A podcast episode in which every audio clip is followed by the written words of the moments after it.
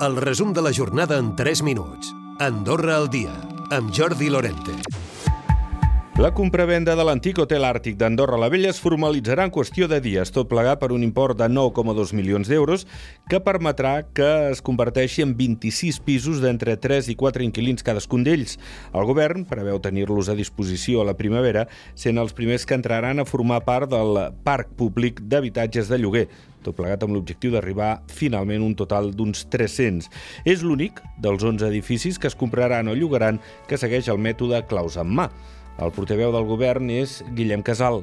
La particularitat de l'hotel Àrtic és que es tracta de l'únic immoble que s'adquireix, que el govern adquireix amb la mobilitat amb la modalitat de claus en mà. És a dir, que el govern rebrà directament a la primavera els pisos preparats per viure-hi i que no s'hauran de fer reformes o adequacions suplementàries. Després que Concòrdia i Andorra Endavant reclamessin un cop més aturar les negociacions de l'acord d'associació amb Brussel·les, el PS s'ha posat a la banda del govern i demana paciència. Ho ha explicat a Ràdio Nacional la presidenta del grup parlamentari socialdemòcrata, Judit Salazar. Lleis de defensa de la competència que que les empreses es relacionin d'una manera més lleial, a elevar estàndards en àmbits, per exemple, com, com el social.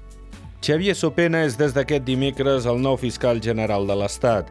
En l'acte de jurament ha exposat com a prioritats la modificació del Codi de Procediment Penal i ampliar el nombre de fiscals adjunts. Diguem que el pla de xoc s'han cobert les places, però clar, no deixa que si, que si comparem amb el ràtio de, europeu, doncs el, el nombre de fiscals és encara inferior a aquesta xifra. Són 8, eh, però no deixa que encara s'hauria d'incrementar doncs, alguna plaça més doncs, per poder afrontar amb garanties, evidentment, la, la nostra funció.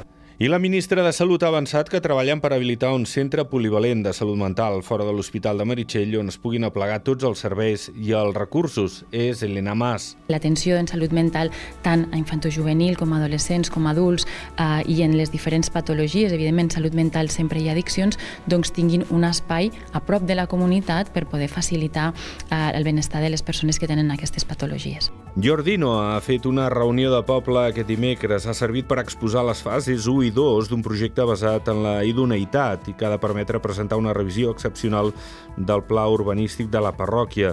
El Comú aposta per un nou model integral que cerca l'equilibri entre identitat del territori, desenvolupament i qualitat de vida. En una segona reunió de poble, prevista per l'octubre o novembre, es donaran detalls d'aquesta proposta pionera a Andorra. I aquest dimecres s'ha celebrat el Dia Mundial del Turisme.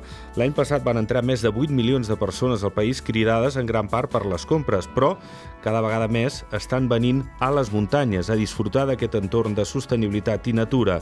Andorra Turisme vol explotar aquesta via amb diferents itineraris per la natura. Recupera el resum de la jornada cada dia a AndorraDifusió.d i a les plataformes de podcast.